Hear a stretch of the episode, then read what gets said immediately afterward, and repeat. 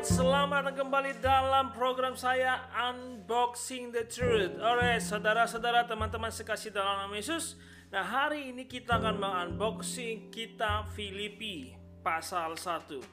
Nah, saudara sekasih dalam nama Yesus, saya percaya kebenaran firman Tuhan itu tetap relevan sampai sekarang dan kita bisa belajar banyak hal dari firman Tuhan. Bahkan firman Tuhan itu adalah sumber ilmu pengetahuan dari segala ilmu pengetahuan. Dan hari ini kita akan belajar bagaimana uh, aplikasi leadership dari Paulus terhadap jemaat di, di Filipi dan kita akan belajar bagaimana kita mengaplikasikannya pada saat ini khususnya di tengah-tengah pandemi ini. Karena Paulus pada saat itu adalah di penjara dan mungkin saat ini kita para pemimpin, para leader seperti di penjara tidak bisa mengunjungi jemaat, tidak bisa melakukan apa-apa. Bahkan mungkin uh, perusahaan-perusahaan juga mengalami seperti itu. Mungkin saudara pemimpin perusahaan atau pemimpin satu kelompok, satu bisnis Mungkin ya ini kita alami, tapi hari ini kita belajar bagaimana, bagaimana Paulus di tengah-tengah situasi di penjara, tapi tetap produktif, tetap uh, berbuah dan tetap uh, uh, melayani Tuhan intinya. Oke, langsung saja kita akan buka dalam uh, kitab Filipi pasal 1. Oke, sebelum saya lanjut saudara, ini merupakan bagian dari uh, program SOM online, Sekolah Orientasi Melayani yang berbasis online. Dan ini diadakan oleh ICM International Christian Mission. Alright, untuk uh, keterangan lebih lanjut saudara bisa hubungi saya dan uh, klik uh, lihat uh, di deskripsi video ini kontak saya. Oke, langsung langsung saja kita akan menuju uh, kitab Filipi. Nah, alright. Nah, hari ini kita akan belajar uh, kitab Filipi pasal 1 ayat 1 sampai uh, 11. Nah, kita akan belajar real sorry, leadership role yang Paulus lakukan dan apa aplikasinya dalam uh, kondisi sekarang. Alright. Oke, mari kita lihat. Nah, oke, terlebih dahulu kita akan baca ter, uh, uh, kitab Filipi pasal 1 ayat 1 sampai 11. Oke, okay, Filipi 1 ayat 1 sampai 11. Dari Paulus dan Timotius, hamba-hamba Kristus Yesus kepada semua orang kudus dalam Kristus Yesus di Filipi, dengan para penilik jemaat dan diaken. Kasih karunia dan damai sejahtera dari Allah Bapa kita dan dari Tuhan Yesus Kristus menyertai kamu.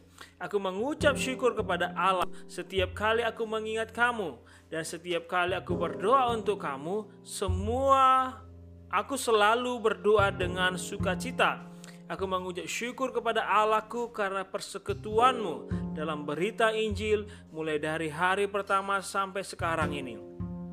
Akan hal ini aku yakin sepenuhnya yaitu ia yang memulai pekerjaan yang baik di antara kamu akan meneruskannya sampai pada akhirnya pada pada hari Kristus Yesus. Memang sudahlah sepatutnya aku berpikir demikian akan kamu semua, sebab kamu ada di dalam hatiku, oleh karena kamu semua turut mendapat bagian dalam kasih karunia yang diberikan kepadaku, baik pada waktu aku dipenjarakan maupun pada waktu aku membela dan meneguhkan berita Injil. Ayat 8 Sebab Allah adalah saksiku betapa aku dengan kasih mesra Kristus Yesus merindukan kamu sekalian. Dan inilah doaku, semoga kasihmu semakin melimpah dalam pengetahuan yang benar dan dalam segala macam pengertian, sehingga kamu dapat memilih apa yang baik, supaya kamu suci dan tidak bercacat menjelang hari Kristus, penuh dengan buah kebenaran yang dikerjakan oleh Kristus Yesus Kristus untuk mem memuliakan dan memuji Allah. Alright. Saudara sekasih dalam yang kita sudah baca tadi dalam kitab Filipi ini. Nah, kita mau melihat uh, poin-poin leadership role yang Paulus uh, lakukan, yang tunjukkan dan ajarkan dari kitab Filipi ini. Ya, saya percaya dan saya tahu bahwa kitab Filipi ini uh, kalau kita melihat dari keseluruhan, ini temanya berdasarkan mengenai kehambaan atau bagaimana tetap hidup dalam sukacita. Tapi Uh, hari ini kita mau fokus mau melihat leadership role yang Paulus uh, berikan dan lakukan.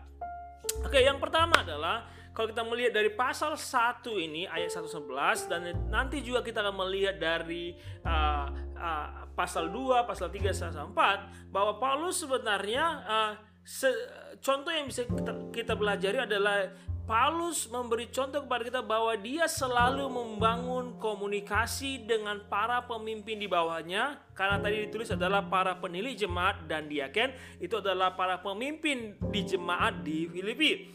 Dan dia juga membangun komunikasi dengan para jemaat. Artinya Paulus walaupun di tengah-tengah uh, lockdown pada saat itu dia di penjara, tapi uh, dia tetap berusaha membangun komunikasi dengan uh, para pemimpin di bawahnya dan juga jemaat. Nah, saudara sekasih dalam nama Yesus, ini kita belajar bahwa di tengah-tengah ini mungkin saudara adalah gembala sidang atau saudara adalah para pemimpin komsel atau para pelayan atau pemimpin komunitas atau apa pun yang saudara memiliki uh, orang-orang di bawah yang saudara layani, saudara pimpin. Di tengah-tengah situasi ini, uh, walaupun kita berada dalam masa karantina, tidak berarti kita tidak bisa membangun komunikasi Paulus pada saat dia penjara dia tidak bisa berjumpa dengan mereka jemaat Filipi. Tapi apa yang dilakukan? Dia mengirim surat karena kita Filipi ini adalah surat kepada jemaat Filipi. So dia melakukan berusaha melakukan sesuatu uh, untuk uh, berkomunikasi dengan jemaat dan pengikutnya. Nah, artinya uh, kita saat ini kita masih bisa melakukan sesuatu Contohnya saya adalah saya membuat video ini supaya tetap bisa berkomunikasi dengan murid-murid saya di SOM ICM dan juga buat beberapa jemaat saya dan orang-orang lain bahkan saudara yang melihat video ini diberkati Tuhan. Nah, jadi uh, artinya selalu ada cara untuk tetap kita berkomunikasi. Tapi intinya adalah kita memiliki uh, niat atau kerinduan untuk tetap terhubung, terkoneksi, berkomunikasi dengan uh, orang-orang uh, yang kita layani. Nah, kita sekarang ada WhatsApp, ada Zoom, ada banyak teknologi dan saya percaya saudara uh, tahu menggunakannya. Nah, tapi kita mau mau melihat dulu uh, kenapa Paulus Pak Pak Paulus uh, berus bisa artinya mendapatkan ide ini dengan mengirim surat atau kenapa Paulus mendorong ini semua uh, mendorong untuk uh, mengirimkan surat ini karena Paulus mengatakan Uh, di ayat uh, di ayat 4 dikatakan dan setiap kali aku berdoa untuk kamu semua aku selalu berdoa dengan sukacita. Nah, artinya Paulus itu selalu uh, mendoakan uh, jemaatnya mendoakan. Nah, dan dikatakan bahwa uh, uh, kalau kita nanti melihat se, se, se, seluruh kitab ini, seluruh uh, kitab Filipi ini bahwa bagaimana kasih Paulus kepada Filipi. Nah, ini yang ini mendorong Paulus. Nah, tapi kita mau melihat apa saja yang berusaha dikomunikasikan oleh Paulus kepada jemaatnya dan juga para pemimpin pada saat itu yaitu pendiri jemaat dan diaken. Nanti kita akan belajar juga siapa penilik jemaat dan diaken nih. Nah, itu sebabnya pastikan subscribe channel ini dan tekan tombol bel yang ada di sampingnya supaya setiap ada video baru khususnya untuk lanjutan dari pelajaran ini uh, saudara akan mendapat notifikasi dan saudara akan diberkati. Alright lanjut. Oke okay, uh, yang Paulus lakukan adalah Paulus lakukan adalah pada saat itu uh, yang komunikasikan adalah yang pertama adalah waktu dia berkomunikasi dia mengapresiasi setiap jemaat di Filipi termasuk pemimpin-pemimpin. Nah, kita melihat di ayat 2 sampai 3 dan juga ayat 5. Di ayat 2 dikatakan kasih karunia dan damai sejahtera Allah Bapa kita dan dari Tuhan Yesus Kristus menyertai kamu. Ini adalah salamnya. Di ayat 3 dikatakan, Aku mengucap syukur kepada Allahku setiap kali mengingat kamu. Artinya Paulus mengapresiasi, Paulus menghargai setiap jemaat di Filipi. Nah ini luar biasa. Nah ini bisa kita lakukan waktu kita berkomunikasi dengan jemaat kita, berkomunikasi dengan uh, uh, orang-orang yang kita layani. Bahkan mungkin saudara sebagai pemimpin perusahaan, sebagai pemimpin departemen dalam suatu perusahaan atau pemimpin komunitas, setiap kali kita berkomunikasi kita uh, bagaimana kita supaya mengapresiasi setiap orang yang kita layani, orang yang kita pimpin. Karena uh, ini yang role model yang Paulus Paulus ajarkan sehingga kita melihat bagaimana nanti uh, jemaat di Filipi bertumbuh dengan baik, dengan uh, luar biasa. Jadi dia mengapresiasi dan dia lima dikatakan seperti ini. Aku mengucap syukur kepada Allahku karena persekutuanmu dalam berita Injil mulai dari hari pertama sampai sekarang ini. Nah saudara kasih dalam Yesus artinya dia uh, bukan hanya uh, mengapresiasi Da, tapi dia selalu mendorong, katakan aku mengucap syukur. Dia juga mengucap syukur kepada Allah. Artinya Paulus juga mengetahui, mencari tahu apa yang terjadi pada jemaatnya. Bukan hanya dia uh, diam saja di penjara, tapi dia berusaha mengetahui. Karena kita melihat di ayat 5 kita dikatakan aku mengucap syukur kepada Allahku karena persekutuanmu dalam berita Injil. Artinya Paulus tahu, Paulus mendapat informasi bahwa jemaat Filipi selalu hidup dalam pemberitaan Injil. Alright, jadi penting bagi kita sebagai leader untuk uh, mendapat informasi kepada uh, informasi mengenai jemaat, anggota atau bawahan kita, mungkin saudara yang di perusahaan, saudara perlu informasi apa yang terjadi di bawah, bagaimana dengan karyawan saudara, pemimpin-pemimpin, manajer-manajer di bawah atau supervisor-supervisor di bawah saudara. Nah, ini sangat penting kita mengerti. Nah, kemudian uh, bukan hanya dia mengapresiasi, kemudian dia dia juga berdoa dan memiliki ekspektasi kepada uh, jemaat di Filipi. Jadi uh, doanya adalah ekspektasinya uh, terhadap jemaat Filipi. Nah, mari kita belajar di ayat 4 dan 9. Di ayat 4 dikatakan, "Dan setiap kali aku berdoa untuk kamu semua, aku selalu berdoa dengan sukacita." Jadi waktu dia berdoa, berdoa dengan sukacita dengan sukacita dari Tuhan. Dan di ayat 9 Inilah ekspektasinya. Dan inilah doaku, semoga kasihmu makin melimpah dalam pengetahuan yang benar dan dalam segala macam pengertian. Artinya Paulus berdoa supaya jemaat di Filipi terus untuk hidup dalam firman Tuhan. Terus hidup dalam kasih Tuhan. Dan ekspektasi adalah supaya uh, kasihmu akan melimpah dalam pengetahuan yang benar. Artinya dalam pengetahuan benar adalah firman Tuhan dan kemudian dikatakan bahwa dalam segala macam pengertian. Artinya uh, ekspektasi kita kita mendorong kita mendoakan orang kita layani tetap hidup dalam firman Tuhan, tetap hidup dalam kebenaran dan memiliki pengertian akan firman Tuhan. Itu sebabnya contoh saya saya melakukan Bible study karena supaya jemaat saya atau orang-orang yang saya pimpin tetap hidup dalam kebenaran. Saya lakukan dengan uh, WhatsApp, sorry bukan WhatsApp, dengan Zoom, dengan cara-cara yang lain yang bisa saya lakukan saya uh, uh, printer bahan-bahan pemuritan, bahan-bahan Bible study sehingga mereka pelajari di rumah. Nah itu yang bisa kita, harus kita lakukan. Nah bagaimana dengan perusahaan? Nah saudara bisa artinya waktu berkomunikasi saudara dorong mereka, saudara doakan supaya saudara ya uh, supaya uh, anggota atau pimpinan di bawah saudara itu bisa tetap hidup atau melakukan segala sesuatu sesuai dengan SOP atau uh, uh, rules di kantor saudara. Mereka uh, mencapai KPI mereka, uh, ki, uh, uh, mereka artinya uh, ya artinya intinya supaya mereka tetap produktif dan sesuai dengan jalur atau SOP-nya perusahaan. Oke, okay, nah khususnya kalau mereka harus tetap uh, uh, artinya achieve atau sesuai uh, mencapai KPI mereka, tidak uh, uh, tidak keluar dari sana. Oke, yang kedua eh, eh sorry, yang ketiga adalah waktu dia berkomunikasi dia juga tetap mengcasting vision, artinya menyampaikan visi dari Allah.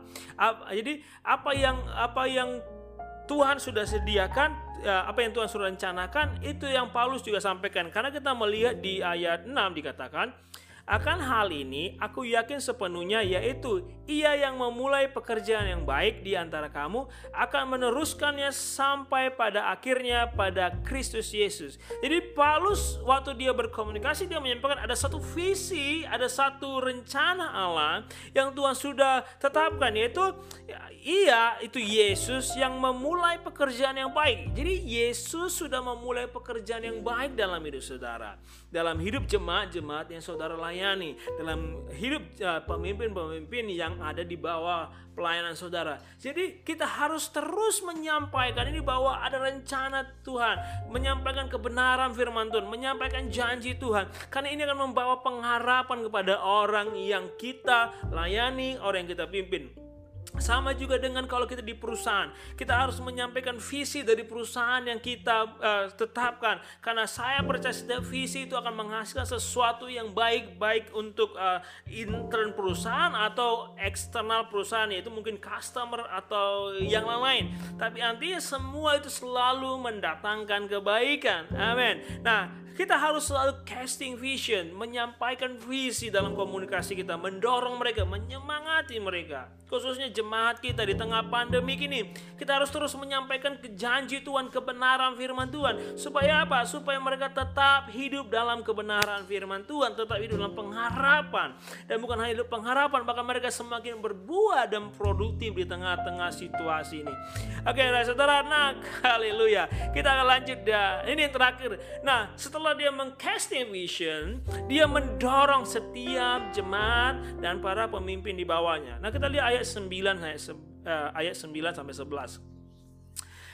Dikatakan seperti ini, dan inilah doaku semoga kasihmu makin melimpah dalam pengetahuan yang benar dan dalam segala macam pengertian sehingga kamu dapat memilih apa yang baik supaya kamu suci dan tidak bercacat menjelang hari Kristus penuh dengan buah kebenaran yang dikerjakan oleh Yesus Kristus untuk memuliakan dan memuji Allah. Nah, artinya dia Paulus mendorong jemaat di Filipi supaya mereka yang pertama tetap melimpah dalam pengetahuan dan kebenaran tadi sudah kita bahas artinya tetap hidup dalam uh, kebenaran firman Tuhan dalam jalur-jalur firman Tuhan kemudian mereka dapat memilih apa yang baik supaya mereka tetap suci dan tidak bercacat. Artinya Paulus mendorong mereka supaya Paulus berkomunikasi untuk mendorong mereka supaya tetap mereka hidup dalam kebenaran firman Tuhan, tetap suci dan tidak bercacat celah.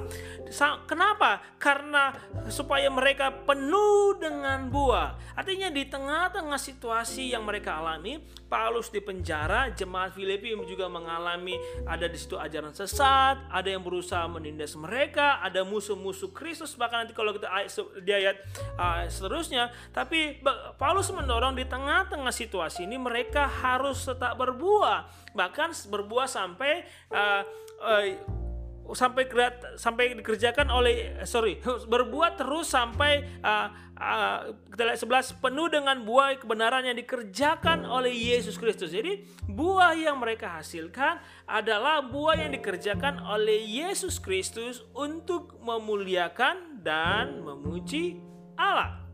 Nah ini sangat luar biasa dari hati Paulus bahwa uh, uh, mendorong jemaat uh, untuk terus berbuah menghasilkan buah. Nah Paulus memberi contoh di tengah dia di penjara, dia menghasilkan buah. Bahkan nanti kalau kita melihat ayat seterusnya, Paulus mengatakan bahwa oleh karena aku di penjara, oleh pen, uh, pembenjaraanku ini, pemberitaan Injil semakin meluas.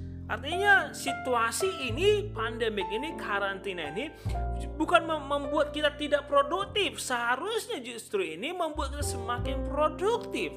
Nah contohnya karena kita di karantina banyak hamba Tuhan uh, termasuk saya dan beberapa hamba Tuhan yang lain melakukan Bible study online, ibadah live streaming. Nah, artinya Injil kok semakin uh, uh, dapat dilihat dan dengar oleh banyak orang. Dulunya hanya jemaat saja, tapi sekarang di luar jemaat juga sudah bisa mendengar firman Tuhan. Nah, ini uh, sisi positifnya yang bisa kita pelajari. Dan yang apalagi di jemaat saya khususnya, justru kepala rumah tangga ber, semakin mereka berfungsi menjadi imam, mereka harus memastikan ada ibadah dalam rumahnya.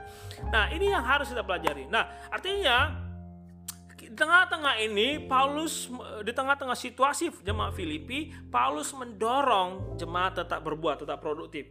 Eh, dan kalau berbicara dengan perusahaan, walaupun dengan situasi ini ada ancaman krisis ekonomi dan segala macam, tapi kalau kita hidup dalam kebenaran firman Tuhan karena tadi dikatakan di ayat 9 supaya kita melimpah dalam pengetahuan yang benar yaitu firman Tuhan dan segala macam pengertian.